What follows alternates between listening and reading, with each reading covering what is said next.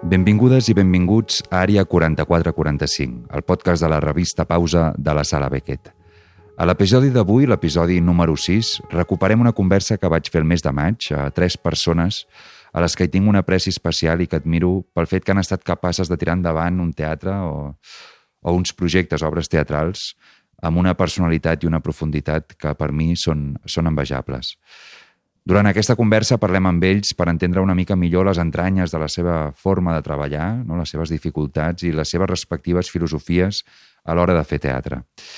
Donem pas, doncs, a la conversa amb la Mònica Almirall, l'Albert Arribas i el Jordi Oriol. Hola a totes i a Hola, tots. què tal? Hola, bona tarda. Per aquelles persones que no estigueu familiaritzades una mica amb algun d'aquests noms, us posarem una mica en context. Començarem amb la Mònica, Mònica Almirall, hola, Hola. actriu i directora, ets membre de la companyia Tres Bandes, juntament amb el Miguel Segovia i el- i l'Albert Pérez Hidalgo, que els enviem una abraçada molt forta a tots dos. I des del 2011 funcioneu com a companyia i heu estrenat sis peces, entre elles Coda i I Don't Worry Me. Si no m'equivoco, ho estic Sí, dient sí, tot bé. perfecte. No sé si sis, no, no sé, no sé Va, el avui les he número. comptat i eren, i eren com ser. sis produccions, sí, Pot sí, ser. quasi amb, amb 10 anys. I també eh, se t'ha pogut veure, que jo no vaig poder-ho fer, a, al Teatre Nacional amb la companyia La Veronal, fent d'actriu a, a Opening Night. També tenim l'Albert Arribas, que és director, traductor i dramaturg, fundador de Centaura Produccions, que és la productora que engloba tots els espectacles de collita pròpia que, que has impulsat durant aquests gairebé 10 últims anys, també, des del 2013 que es va estrenar la Beata Verge. Hola, Albert, com estàs? Hola. I el Jordi Oriol, que és director, dramaturg, músic, impulsador de mil projectes i que hem pogut veure créixer sobretot en el col·lectiu Indigest, eh, creat per l'Alicia Gorina, l'Isaac Ferriz i la Sílvia de l'Anyó, que també enviem una forta abraçada. Hola, Jordi Hola, Oriol. què tal? Bé, abans de començar vull dir que a la web del podcast podreu trobar més informació sobre els convidats d'avui, per qui tingui més curiositat i en vulgui saber més coses. I m'agradaria una mica començar per aquest nexe comú que crec que teniu els tres, que es troba en la idea de companyia, de, de col·lectiu o de productora, que encara que tingui noms molt diferents, no té un denominador comú en els vostres casos, i és que tinc la sensació que acostumeu a treballar amb un equip que, que sembla que reincideix una mica en cada projecte. No? En el cas de la Mònica, amb tres bandes, és clar, no? Uh, sou tres persones que des de l'inici seguiu juntes, però fins i tot amb un Centaure Produccions, que tu, no, Albert, estàs com a centre, però també acostumem a veure un nucli de gent com, per exemple, la Màrcia Cisteró el dissenyador de sol, Lucas Ariel, que t'acompanyen sovint als espectacles. Per tant, la pregunta amb què començaria és què significa per vosaltres poder comptar amb una família per tirar endavant els projectes i quina creieu que ha estat la vostra i quins valors que creieu que hauria de tenir una família ideal en aquest sentit? Per exemple, qui vulgui començar... Jordi Oriol. Va, doncs no sé, jo... Um, sí, sí, és una cosa que sempre m'ha interessat des de que vaig començar com a actor a participar en companyies teatrals, diguéssim, mm, fent projectes una mica com, a- com, a, com a extern, com a agafat, com a prostituint-me, diguéssim, fent, fent la feina dels altres, però, però evidentment aportant creativament, vaig pensar, ostres, aquí és una feina molt col·lectiva, el teatre, a diferència de l'escriptura, per exemple, d'una novel·la, no? I, i o, sigui, o un escultor que està fent la seva escultura sol, però en canvi aquest, en el món de, del teatre hi ha moltes disciplines no? que s'hi barregen i llavors això eh, realment demana de, de, de, doncs, de molts rols diferents també els pots fer tots tu, evidentment, eh, que és una opció, no? i fer tu el, el one-man show, però, però sovint eh, doncs necessites algú que, que entengui de llums i que un altre que entengui de so, perquè hi ha gent que hi entén i entens més que, que un mateix. No? Llavors, eh, això sí que jo ho tenia des de molt al principi, veia que realment era molt necessari i, i vaig voler eh, d'entrada doncs, buscar còmplices que, que, que ajudessin a fer el sentiment de grup, no? I, i això també em feia més, més àgil a l'hora de, de, de crear, doncs, poder comptar amb gent que ja d'alguna manera et coneixen a tu, perquè ja com una, has entablat com una relació artística i que, i que les coses van molt més ràpid perquè no és de cada vegada que fas un espectacle doncs agafar algú que, que, i explicar-li una mica d'on vens i on vas, no? I llavors les persones ja et coneixen, Clar. és molt més fàcil anar endavant. Totalment. I en els vostres casos, per exemple? Eh, per mi, per exemple, la troballa amb tres bandes amb l'Albert i el Miquel eh, ha esdevingut com, com un oasis creatiu i crec que gràcies a que els he trobat jo he seguit en el teatre. No sé si mm -hmm. hagués sigut capaç de, de generar una carrera com a intèrpret només, o gràcies a aquest espai que he generat amb ells, mm -hmm. Eh, m'he descobert creadora i, i que m'agrada i m'interessa el teatre en un aspecte molt, molt global i no només des de la interpretació, però ha sigut amb ells especialment que m'he trobat com a casa en un lloc on poder ser jo artísticament i personalment, que no mm. és tan senzill no, no. trobar-ho. I, I per això sí, quan parles de família m'ho sento molt amb, amb, amb ells dos. Eh, crec que per, per, per fer... També depèn del tipus d'espectacle. En el nostre cas, per exemple, són processos de, eh, de creació molt llargs, uh mhm. -huh. quasi dos anys per un projecte, i, i, i necessites casa per, per, per poder gestionar això i perquè és dos anys de la teva biografia convivint amb un, amb un projecte, no? Clar. Llavors, no sé, no mm -hmm. sé mhm. si t'he contestat, sí, sí, però...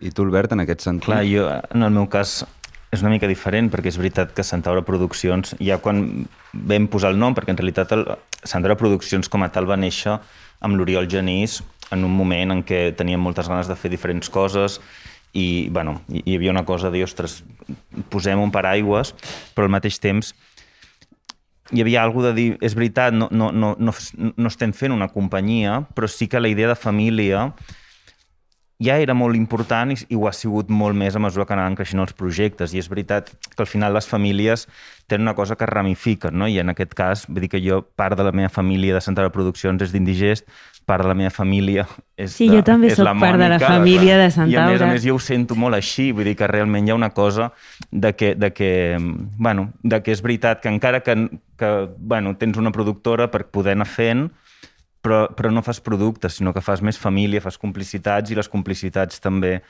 t'ajuden a, a tenir ganes de tirar endavant, de fet, i per tant hi ha alguna cosa de que en aquest sentit sí que és veritat que bueno, la idea de família és, és com no només important, sinó que a més a més és, és reconfortant. No? Totalment. I sembla que per això que tot i que, que la família pugui semblar no, com això, una, una xupluc o un bressol, no? on, on, on està, que sempre apareixen dificultats, no? en família o sense. sempre. A l'hora de tirar endavant els projectes, els projectes sempre, i sobretot en buscar llenguatges teatrals propis, com, com és el vostre cas. Llavors, quines han sigut la, les dificultats o quines barreres us acostumen a aparèixer en els diferents espectacles que heu fet? Sobretot m'interessa saber la, les que, tot i guanyar experiència, no segueixen apareixent. O sigui, que, quines són les dificultats amb les que us trobeu? Um... Hòstia, jo per mi moltíssimes dificultats. Ah, per mi una de, les, una de les importants i les que mm, sempre d'alguna manera caus en aquí és, és, el, és el finançament o la producció i, um, que, que, que sempre acaba tenyint una mica tot el que acabes fent. No? Mm -hmm. Justament per sort i gràcies a que tens família, tens aquesta companyia, que, que, que hi ha comoditat, hi ha família, doncs uh, acabes fent coses Um, o sigui, acabes deixant-hi molt més pell i hores i, i suor que les que recompensen, diguéssim, econòmicament, però o sigui que ho fas justament perquè és família, perquè si fos feina no ho faries, no? però, però aquesta és una de les, per mi, les dificultats importants i que, que cada cop que fas un nou projecte, doncs sempre penses que hi ha ja, ja doncs, amb el temps les, les coses aniran posant al lloc i sabràs com, com solucionar això i sempre hi és, no? Com a, com a, com a, com a cosa que, que... com a tumor, diguéssim, mm -hmm. no? Però, però per altra banda, hi ha, hi ha moltes coses artístiques que, que, que apareixen com a, com a problemes i, i evidentment Uh, si ens referim a la pregunta anterior de, de les relacions, diguéssim, de família, també hi han com vicis en aquí i, i també gràcies, o sigui, gràcies a la família d'alguna manera també eh, fan que, que aquestes coses també es vagin, es vagin sedimentant i, i que quedin per, per endavant no? però, però en canvi també si, si hi ha com, si si és sana la família aquesta, doncs, eh, doncs cada vegada doncs, es, es parla i, i se solucionen, però sempre com que hi ha tensions abans d'acabar fent l'espectacle perquè hi ha, hi ha ganes de fer-ho millor mm. des de totes les bandes, doncs evidentment les pressions i les tensions hi, hi són. Però suposo que si estem aquí i amb, el, amb la dècada, diguéssim, de, de temps que portem tots, eh, és perquè realment eh, hi ha, hi ha, hi ha ganes de continuar fent-ho, no? Mm -hmm. Sí, eh, això que deies jo també estic d'acord, no? Aquesta cosa de... Eh, la família és la família per a tot, per lo bueno i per lo malo, no? I, per exemple, una crisi que a nosaltres ens va aparèixer és quan a, a Tres Bandes nosaltres vam tenir una època més de els tres, treball d'intèrpret, i a partir d'aquí vam començar a col·laborar amb, amb altres disciplines, amb mm. altra gent. En el moment que entra altra gent a formar part d'aquest nucli, algun d'ells s'han anat quedant, comences a contrastar el que per tu era normal, la teva manera de treballar, amb altres maneres de gestionar, Totalment. i et fa repensar-te i entra en una crisi molt forta de dir això que nosaltres tres teníem ho poso en contrast amb altra gent i és una altra dinàmica i potser és més interessant aquella dinàmica que la que nosaltres teníem o, mm. hem d'acceptar que la nostra té, és porosa i té, té, té mm, grietes, no? que té... Aquesta és una, una crisi. I una altra, eh, per exemple, nosaltres venim ara de fer un work in progress.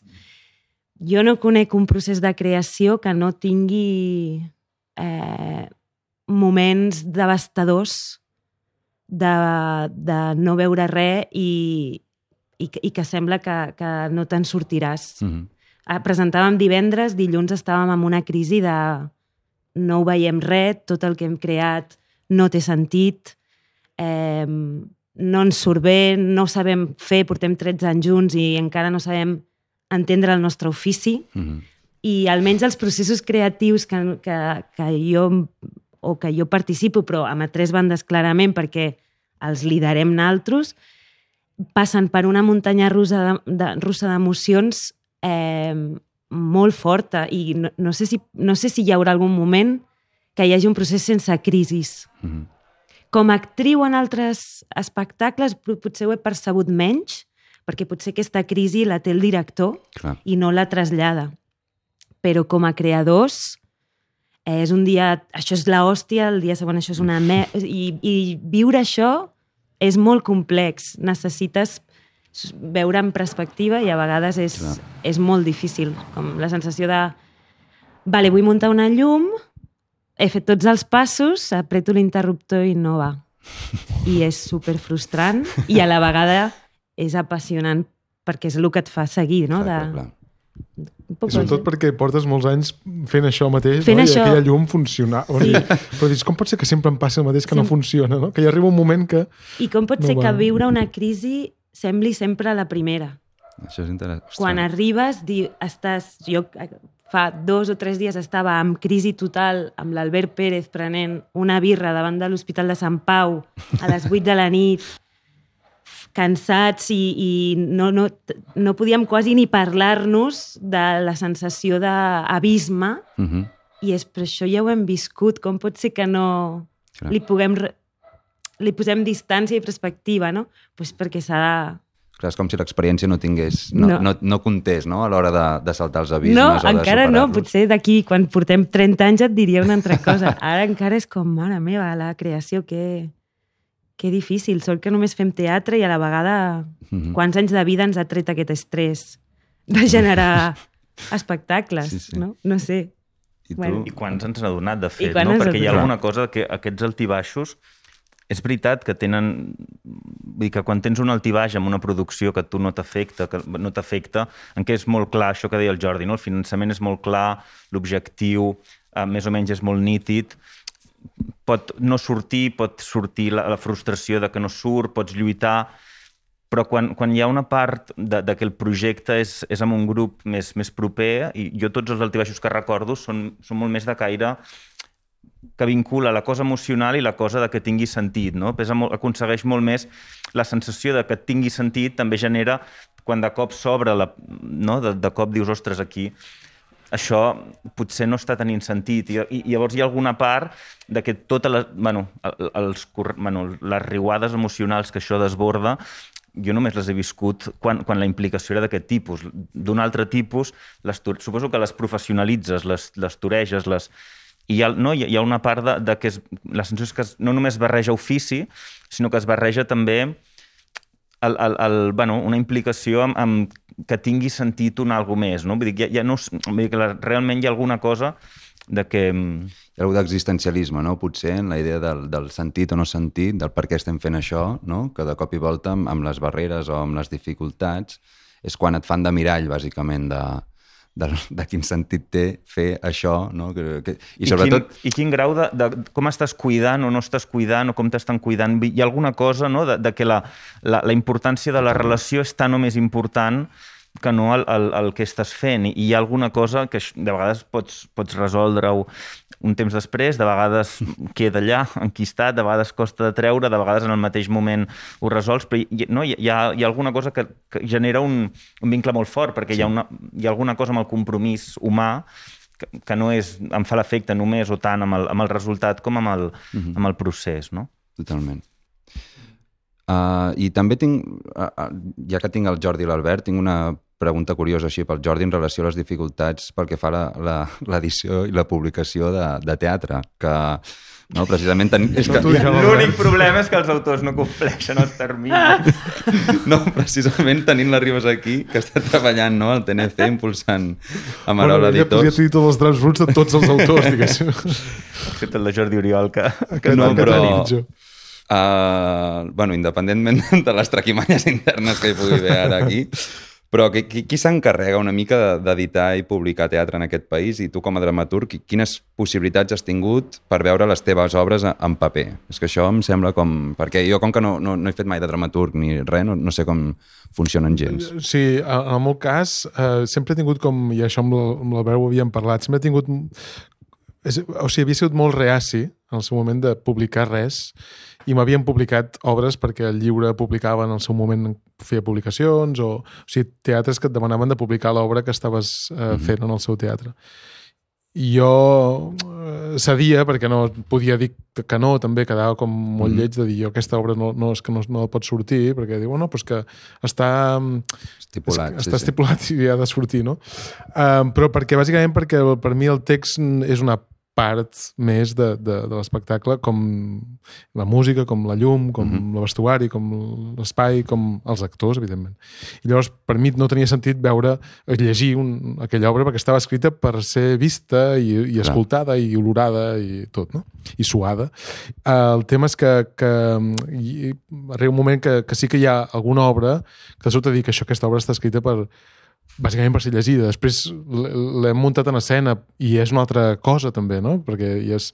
Però aquell text podia perfectament ser, ser llegit i que cadascú s'imagini i no cal que sigui teatral, diguéssim. Mm -hmm. I això són uh, dos peces en concret, que ara estic escrivint una tercera, que també tindrà aquesta, en aquesta línia, i que justament l'Albert és aquí qui, qui també, amb la seva mirada i també des de jo entenent coses que m'havia explicat l'Albert a l'hora de, de, de fer-me publicacions, he acabat veient que, per què no, eh, publicar el text d'aquelles obres, encara que, que, que no, siguin, no haguessin estat escrites justament per ser llegides, mm -hmm. no? Algunes de, la majoria de les obres que he escrit.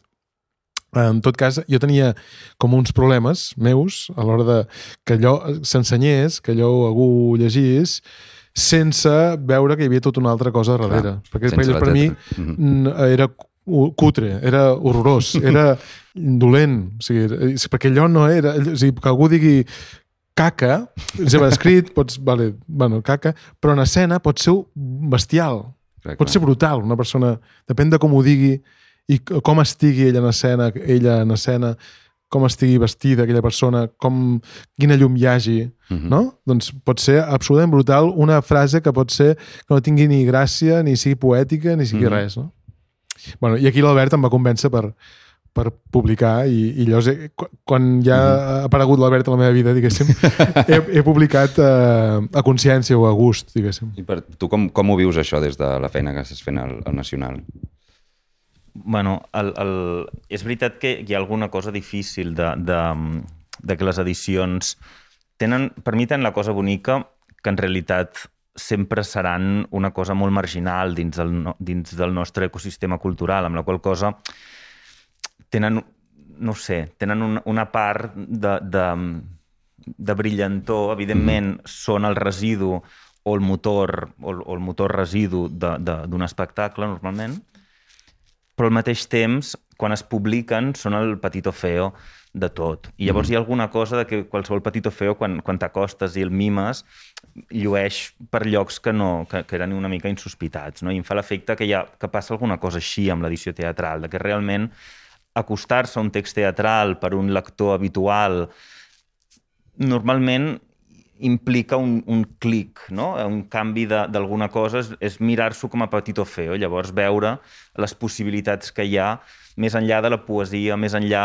de, la, de, la, de les històries, més enllà de, del que hi ha... bueno, evidentment, hi ha, hi ha molta literatura clàssica mm -hmm. que, té, que, que, que, que, has de llegir teatre si vols tenir un bagatge cultural literari. Hi ha alguna cosa de que des de l'autoria eh, això que deia el Jordi és totalment cert. És a dir, l'ús d'una paraula, la, en realitat, totes les, tot, tots els elements lingüístics que no estan a veure amb la semàntica ni amb la musicalitat, és a dir, amb la poètica o amb el que seria la, la història o el que està dient o amb la reflexió, és a dir, l'ús de la proxèmia, jo, Totalment. jo com a traductor, clar, la, la, el, el valor que té, no? de vegades et fas una palla mental, aprofito el podcast per dir una cosa que a mi m'encanta dir, així que d'enregistrar en algun lloc. Jo una de les frases més de les que estic més content d'haver traduït era I wish I was an octopus, que, que vaig traduir m'encantaria tant ser un cefalòpode. I m'agradava molt perquè octopus fa, fa, fa una oclusiva que, que la fa a la part de la glotis, una T que la fa al mig de la boca i una P que la fa fora, i per tant fa una mica com el tentacle que surt, i cefalòpode fa el mateix viatge a la llengua. No? Hi ha una cosa de que realment la paraula, quan ho llegeixes i tu, tu, mastegues en veu alta, pots de cop connectar amb allò que el, que el, que el traductor ha fet. Mm.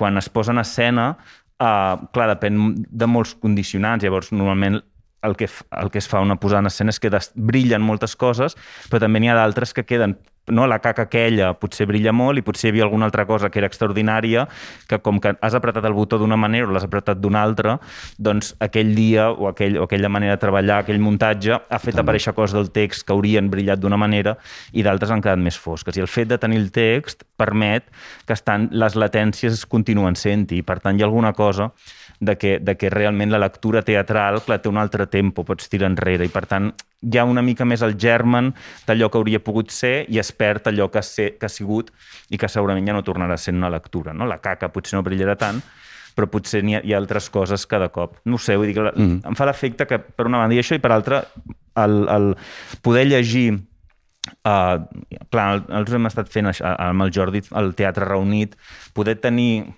diferents obres seguides de cop és, bueno, és, és preciós perquè veus l'evolució, vull dir que veus, veus fins i tot el treball actoral a través dels textos, perquè a mesura que va, va, va madurant una escriptura, l'escriptura va musculant molt més el treball actoral, vull dir que hi ha, no sé, hi ha alguna cosa en els textos que la seva capacitat d'esponja crec que és, és molt interessant. Evidentment, un text teatral s'ha d'agafar com una esponja, però una esponja, si, la, si les trujes, de vegades treu molt de suc. Totalment. I tornant una mica a, a fent aquest, tancant aquest parèntesis de l'escriptura i tornant una mica a l'essència de, del que vol ser aquest programa, què busca, Mònica, amb a tres bandes, quina és la vostra manera de, de crear els projectes per entendre una mica millor això de què, què s'amaga darrere la punta de l'iceberg, no? Com funcioneu i com s'acostuma a dividir el procés de treball? Um, no, no et sé dir molt bé com ho fem. Clar. No, no ho sé. Eh, som, crec que no tenim cap mètode Mhm. eh, concret, sinó que partim... eh, Bueno, està clar que els tres partim d'un d'unes eines de l'actor i per tant això és com el, el que, les nostres boîte à outils que, que portem a, a, a l'espai escènic, no? I cada projecte neix a partir d'un referent que algú porta i a partir d'allà comença un procés d'un parell d'anys on anem quedant, xerrant, escrivim, fem improvisacions, un primer work in progress, vale, això no funciona, tornem a, a revisar-ho, apareixen altres referents i es va construint. Però allò de dir, no, partim d'un text o no, Mhm. partim d'un tema. En els nostres darrers projectes, el tema ha aparegut un cop l'espectacle estava fet. Mm. Partíem molt de... Era, hòstia, estem parlant d'això. Mhm. Més que volem parlar de... Clar, clar. Eh, sí, ha sigut aquest, com aquest pas... Eh, anem més per aquí. Mhm. Certament som tres, per exemple, l'Albert és un gran generador d'idees. És Mm. una persona que és capaç, que jo no tinc aquesta capacitat, de veure una imatge i dir, he vist això, o vull partir de tu al mig i una llum per aquí, molt formal, molt abstracta, i ell en té moltes, té aquesta capacitat. A mi m'agrada molt, eh, a, quan estem a sala d'assaig, jo, jo soc, tinc la capacitat de veure potencial en una cosa que s'està generant, però no, no, la, no la puc imaginar, no tinc idees, no? Llavors, cada, cadascú doncs, eh, aporta diferents coses en, durant el, en el procés. Però com ho fem? Ni idea. Quan arriba el moment final és com hem començat això i, qui, i com hem arribat aquí. Totalment. Però I, I tu, per exemple, Jordi uh, o Albert, uh, o per exemple tu, Jordi, com a dramaturg, clar, per exemple, tu necessites... Parteixes del text o, o des d'on parteixes? o sigui, sovint, un 70% de, la, de, les, de les obres que he fet parteixen d'algun text o d'alguna cosa que he escrit Que està tancat algunes idees. o... No, no, no, No. Res està mai tancat. uh, inclús quan s'edita tampoc està.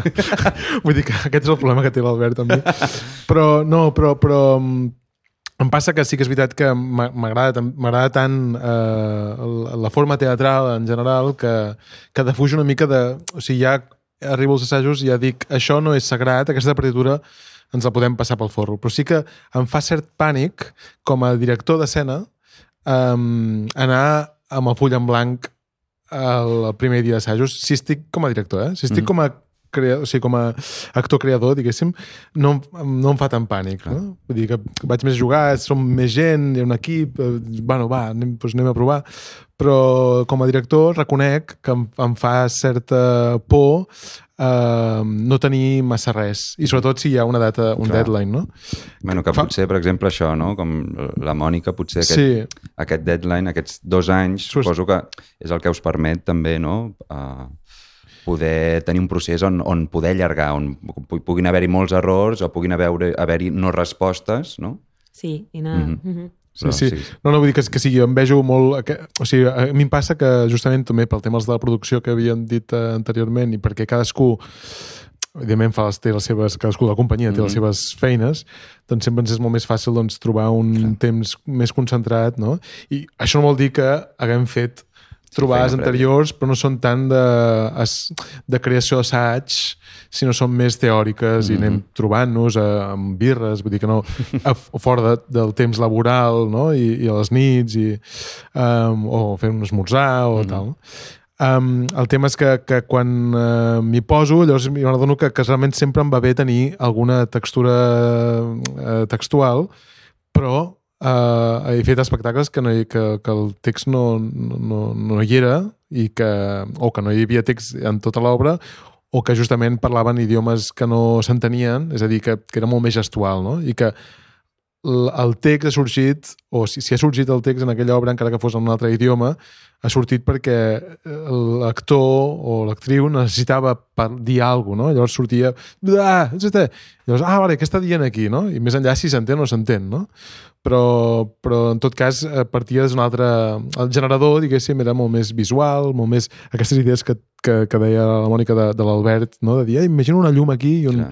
que, és, que de fet és com jo com vaig començar, eh? també vaig començar com a actor, no em creia gens eh, autor, de fet no, no m'hi crec encara, però, però vull dir que, que em passava que, que realment per mi el generador de, de, de, text inclús era en escena, no, mai eh, m'havia posat fins fa molt poc, relativament poc, a escriure a casa.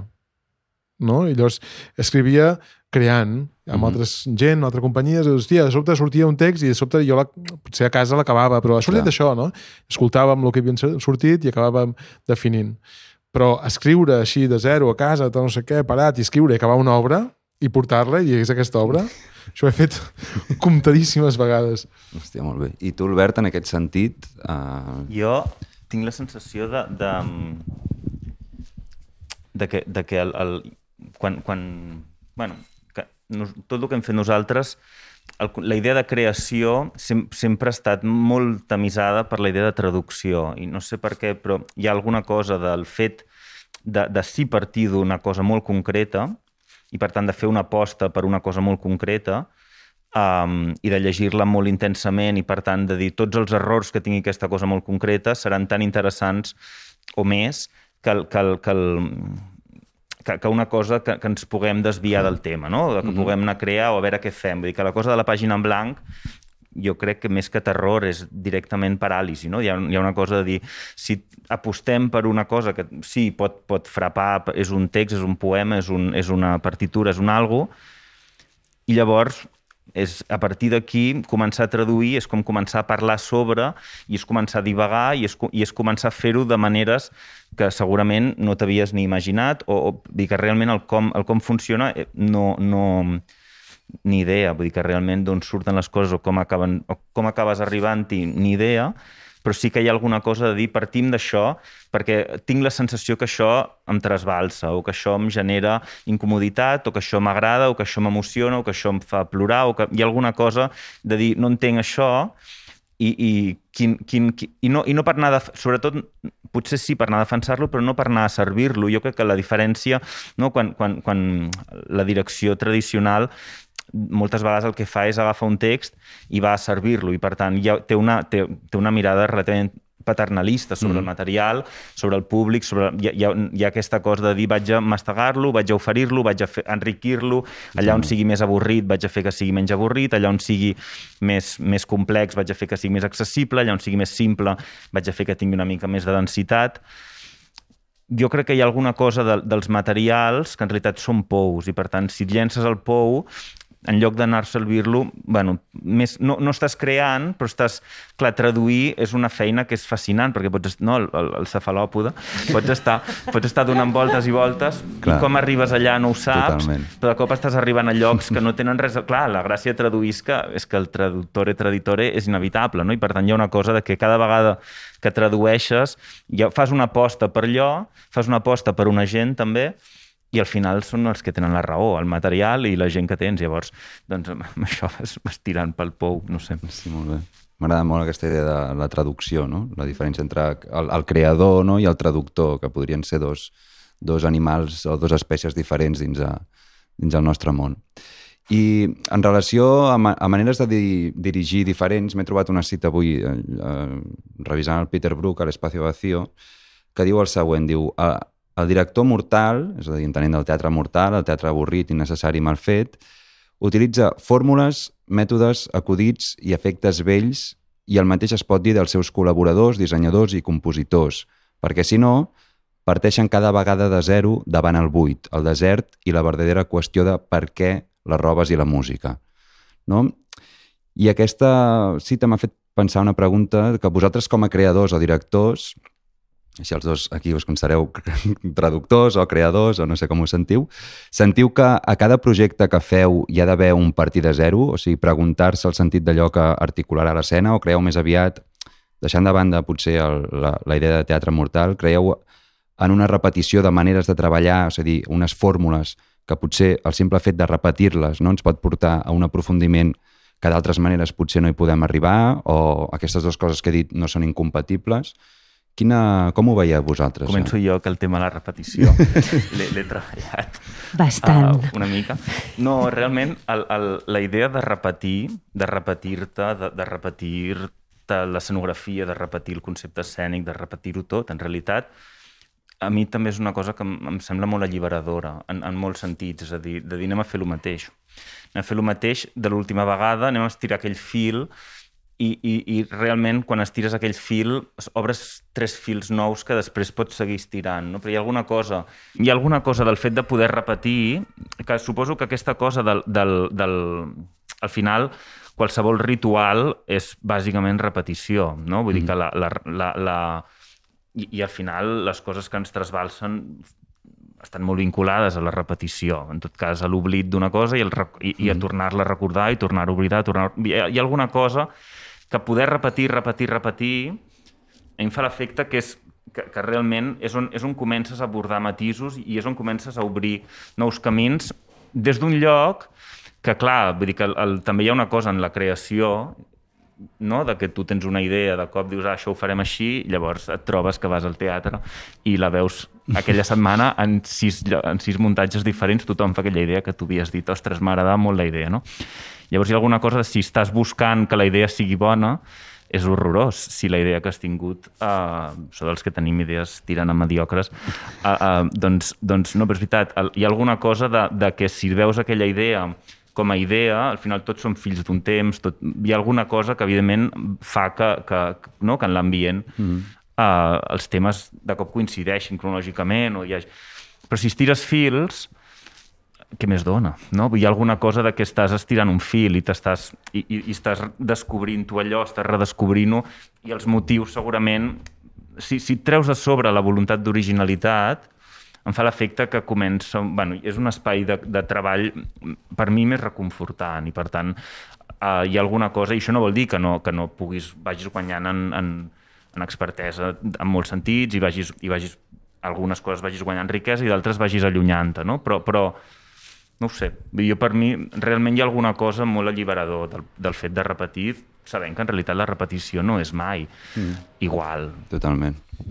Jo mm. també crec que, que, la, que la, o sigui, el, el, jo he patit eh, la repetició també, però vull dir que uh, inicialment sí que lluitava molt per anar per aconseguir aquesta originalitat no? i com a, vull dir, quan, quan ets jove també dius, bueno, doncs jo faré no? Um, uh, una cosa no s'ha fet mai no? i és una cosa que, que de fet després amb el temps te n'adones de que tot s'ha fet i per tant quan, quan ja t'adones de que no faràs res nou eh, tu no descobriràs uh, la sopa d'all, diguéssim, llavors és quan comences a, a, a dir és que tant és la, ser original o no, què, què vull fer jo ara, què m'importa, què m'interessa, què, què vull explicar, des d'on, no? I, I llavors quan comences a fer aquest viatge interior que no és tan uh, extern, no? Uh mhm. -huh. Però i, i llavors sí que et repeteixes i caus en les mateixes coses que tu després vols defugir-ne però, però en el fons és impossible defugir-ne perquè, perquè tu ets el que ets i estàs en l'entorn que, que estàs, com deia l'Albert doncs tots som fills del mateix temps.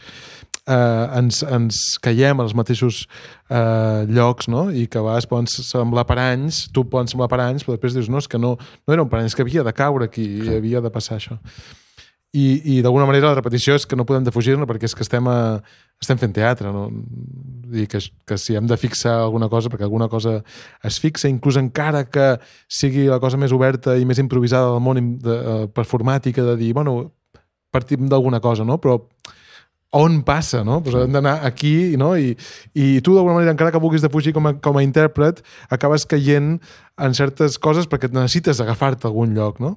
I, de fet, eh, una cosa que deia Suzuki, justament, eh, era una cosa que potser pot semblar oposada a, a la de Peter Brook, no? Que, que és que justament eh, quan més funcionaven les coses per ell eren quan els actors s'agafaven a, a, els, clichés, als tòpics, no? els clichés, sí, sí. I, i, i en aquí és quan funcionava. No? I llavors els, els, els que realment repetien les coses i s'agafaven a les mateixes coses de sempre. Dèiem el lladre, no? Era quan, això? Sí, feia allò del lladre, no? que feia aquell típic que, que caminava de puntetes, no? Feu un lladre, i llavors qui buscava un lladre de dir pot ser qualsevol, eh, es perdien d'alguna manera, no? I en canvi el que començava fent el lladre d'antifàs i de puntetes eh, doncs potser després acabava trobant la seva personalitat d'aquell lladre, Totalment. però havia partit d'alguna cosa molt fixada, molt, molt tòpica, molt típica, no? I, i aquest eh, treballar des del tòpic, d'alguna manera, eh, potser pot, és molt més fàcil, que és, que, que és el que jo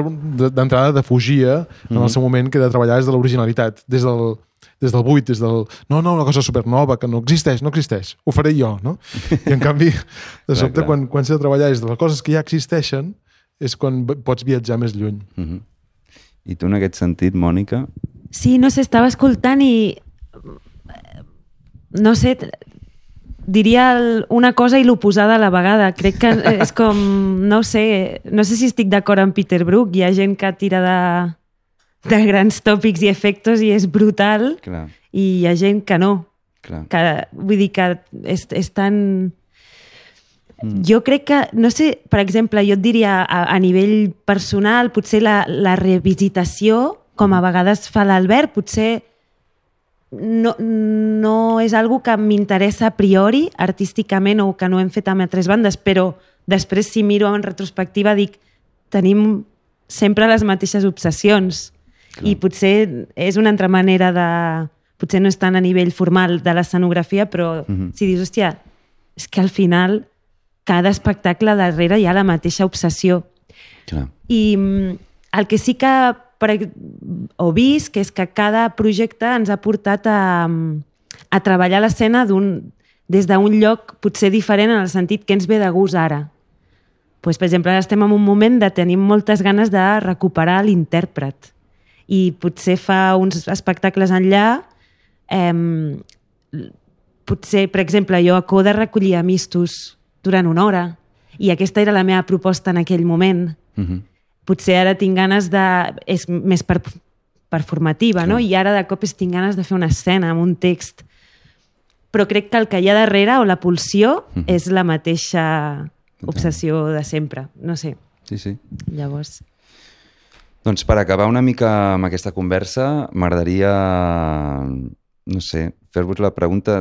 Hi ha una cosa que diu David Mamet en el, en el llibre Verdadero i Falso. És que he estat, he estat agafant llibres i he estat com intentant mirar a veure què em ressonava amb vosaltres. I hi ha una, una frase que té, que potser és una mica brusca o, o metafòricament estranya, que, que diu el següent. Diu, tenéis que pensar en la obra como si fuera una maleta. Diu, ¿cómo sabemos lo que tenemos que meter en una maleta? Bueno, pues depende de dónde tengamos que ir, no? En aquest sentit, crec que, què creieu que heu posat a la vostra maleta aquesta última producció que heu fet i creieu que ha tingut sentit o hi ha alguna relació entre allò que heu posat i l'obra que ha acabat sortint? Uh, o una altra manera de dir-ho, no? Seria quina, quines idees hi havia sobre la taula en l'última producció que heu fet i, i què us heu trobat uh, amb l'obra, l'última obra que heu fet?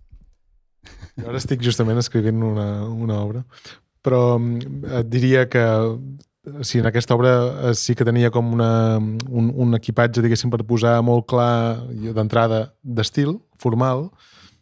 Sempre, sovint començo més amb, amb la forma que, que el contingut i, i tot i que sí que, que, que puc pensar aquest és el, el tema no? que, que, que sortirà, sempre després es difumina o es, o es canvia i s'altera per, per culpa de, de, del meu dia a dia i el, i el ara i aquí, no? i les coses que em van passant. És inevitable i no puc, no puc centrar-me en una cosa. Ja em passa la vida mateixa que no em puc centrar-me. Doncs, um, però, però, però sí que és veritat que en general, no parlam del projecte d'ara, sinó en general, que em passa quan faig aquesta maleta, eh, m'adono que jo m'obligo a fer, una, a fer aquesta maleta, però després estic, estic obrint la maleta i canviant, de, i canviant-ho tot, i canviant de maleta, inclús, que, o sigui, ho canvio tot perquè vull canviar el viatge, perquè a sota dic, merda, no, estic anant a, a Nova York, però no, jo vull anar a la selva, no? I llavors, i, però, però, però d'entrada he fet una maleta per anar a Nova York, però, però després era, Clar, és, el, el, acabo és com que la pròpia obra et va guiant cap on, sí, cap on anar. però és que m'ho fa el fet de... M'ho clarifica el fet d'haver-la fet, la maleta, d'alguna manera. Mhm. I, I a vegades, molt sovint, dius, que no sé on vaig, però... I tinc una maleta, no sé, no sé què, què posar-hi, no sé on vaig, però acabes posant-hi una sèrie de coses perquè, per, per començar, i dius, no, agafes uns referents, com deia la Mònica, agafes uns... No, no, és que jo vull... Sí, podem fer una obra tipus això, tipus això... I després acaba sent una obra absolutament contrària, eh, que potser tu havies pensat, no, sí, serà una obra de text, no sé què... No hi ha res de text, o al contrari, no? No, serà una obra gestual, m'ha passat moltes vegades, aquesta obra no tindrà ni un sol paraula, ni jocs de paraules, sisplau, i de sobte acaba sent l'obra més plena de jocs de paraules i més paraules i, i, i menys, i menys gest, no? Mhm. O sigui que, que uh, està molt bé fer-la, com vull dir, Sí, sí, faria aquesta mamet, ma, mameteta, però, però, però, després la, però després per poder-la després canviar absolutament. Vale. I sí. en els vostres casos? Sí, jo estic eh, amb això que has dit de... Nosaltres tenim aquesta frase de què necessita, què demana la peça. Mhm. Quan, un, quan et sents perdut o quan ens, és, vale, què demana, no? I, per exemple, vam tenir It Don't Worry Me, potser és de la, les últimes peces que hem fet i, i acabades. És un, és un espectacle de tres bandes amb dos creadors i el punt de partida era estar als cinc escena. Mhm. És, bueno, vam començar a generar material i la peça demanava que havien de ser dos. Que el material bo a tirar era eh, el que havia generat l'Albert Pérez i el Bertran Lesca. I, a, I acceptar que la peça a, a priori tirava fora els altres tres intèrprets, eh, va ser una decisió de dir... Un dia ens va, jo em vaig asseure i vaig dir, és que la peça és això. L'altre és un intent de democratitzar i potser un intent de les ganes de que nosaltres, intèrprets, volem estar. Clar. Però el material que ha sorgit interessant és aquest. Ostres, Llavors, tirant d'aquell fil, com rebutjant o acceptant que la peça era allò, vam acabar entrant els altres tres en el lloc que havíem de ser-hi. Però fent, sí, com acceptant el... Al marxar. Vale, Mhm. re- o sigui, cedeixo espai a que... I això, per exemple, va ser molt, molt bonic perquè quan cadascú va trobar el seu lloc vam dir, vale, mira, la peça ens ha tornat al 5, però, però a partir de, de ser molt, molt coherents amb el Mhm. material que havia sortit i, és, i, i llavors te n'adones de lo pues això, que, no, que, que, que la, a la malet, que l'art no és democràtic, que l'art no és, que és, és, no sé com dir-ho, és fulminant, que, que, que, per- i això és, és interessant. I ara, per exemple, en aquest nou projecte, pues la maleta mameta que hem fet és... de moment ens hem posat a la idea de jugar amb l'intèrpret com, a, com a punt de partida de, de la dramatúrgia i recuperar George Perec Mm -hmm. I mm, Chris Wire, que és un, un, un il·lustrador que té uns còmics brutals i això és el que hem posat. I a I a veure cap a on anem, no? Però Mhm. aquesta és la pròxima maleta que, que hem Molt bé. fet. I en el teu cas, Albert? Una cosa vinculada amb el que dèiem abans, el, el... a part de la imitació, de la repetició, per mi hi ha un mecanisme que també és... No, no, en aquest cas crec que ju- justament no és alliberador, sinó és el contrari, és, és, és obligador, genera, genera una cosa que, que és, és un magnetisme estrany que per mi és, és molt important, que és el mecanisme de la paròdia. És a dir, el, el, hi ha alguna cosa de, de, del fet de no, de, de no voler imitar, sinó clarament de voler parodiar, de, de, de, és a dir, de dir la maleta serà una paròdia. Quan, quan agafes la maleta com a paròdia, si clar, és molt difícil que et creguis que la maleta en si serà, serà interessant, perquè justament el fet de que estiguis parodiant alguna cosa, parodiar sempre és aprendre sobre alguna cosa. No? Hi hi alguna, la, la relació amb la maleta, l'agafo, no l'agafo, m'està fent mal, per què l'he volgut agafar, per què no... El, el, el, què és el que em fascina, quins són els paranys que té, quin, quina, quines paradoxes... Bé, hi ha alguna cosa, no? Al final, jo tinc la sensació que realment el que, el que ens trasbalsa és, és, són les paradoxes, no? les coses que no, que no es poden resoldre en realitat, que, que, mm. que, ens, que, que ens atrauen i ens, i ens, i ens repel·len, que ens, que ens, bueno, vull dir que realment que no, que no, són, que no són determinables. Llavors, a, a, a, és veritat que a part de no treballar amb la idea de tema, el, el, el fet de, de parodiar normalment parodies o bé una forma un, o una forma de discurs i per tant sí que pots parodiar un tipus de tema, però hi ha alguna cosa de que el, el fet d'agafar la paròdia i, per tant, la violència sobre una forma, no? perquè al final la paròdia sembla que sigui això, és la violència sobre una forma, també fa aparèixer totes les parts tendres que hi ha en aquella forma i que d'alguna manera t'estàs perdent al, al parodiar-la. No sé, hi hi ha alguna cosa en què el fet d'utilitzar la paròdia com un tipus de, de camí d'imitació, un tipus de, de camí de repetició, perquè al final mm. repeteixes allò que ha fet algú altre, no? En aquest cas trobo que és molt interessant perquè no t'allibera, sinó que t'obliga. I a més a més et, et, genera, et genera mm, obligacions individuals, ètiques, molt fortes. Vull dir, alguna cosa emocionals, no sé com dir-ho. Ja, ja et fiques en uns, en uns pantanals i en uns Bon marrons merders. importants que a mi em ressonen molt. Hi ha alguna cosa d'això, de que la, la, no sé si és important la maleta, o, o preguntar, la, no posar Clar, la la relació. amb la maleta. Clar. Hi ha alguna cosa de... Al final, jo el que diria que m'enduc sempre, o en tot cas, tinc la sensació d'endur-me sempre és el treball actoral, i és, i és el contrari justament de la paròdia, no? És la cosa directa, és la cosa de, de, de, de felicitat pura i prou. Però justament és la, suposo que és la tensió entre la paròdia i la felicitat del treball actoral que fa que l'interior ja saps quin és. La paròdia és lo, lo incòmode, la, la, la maleta és lo incòmode, no sé com dir-ho. Totalment. Doncs res, moltes gràcies per acompanyar-nos a aquesta conversa. Ha estat un plaer reunir-vos i parlar amb vosaltres una estona. Igualment, sí.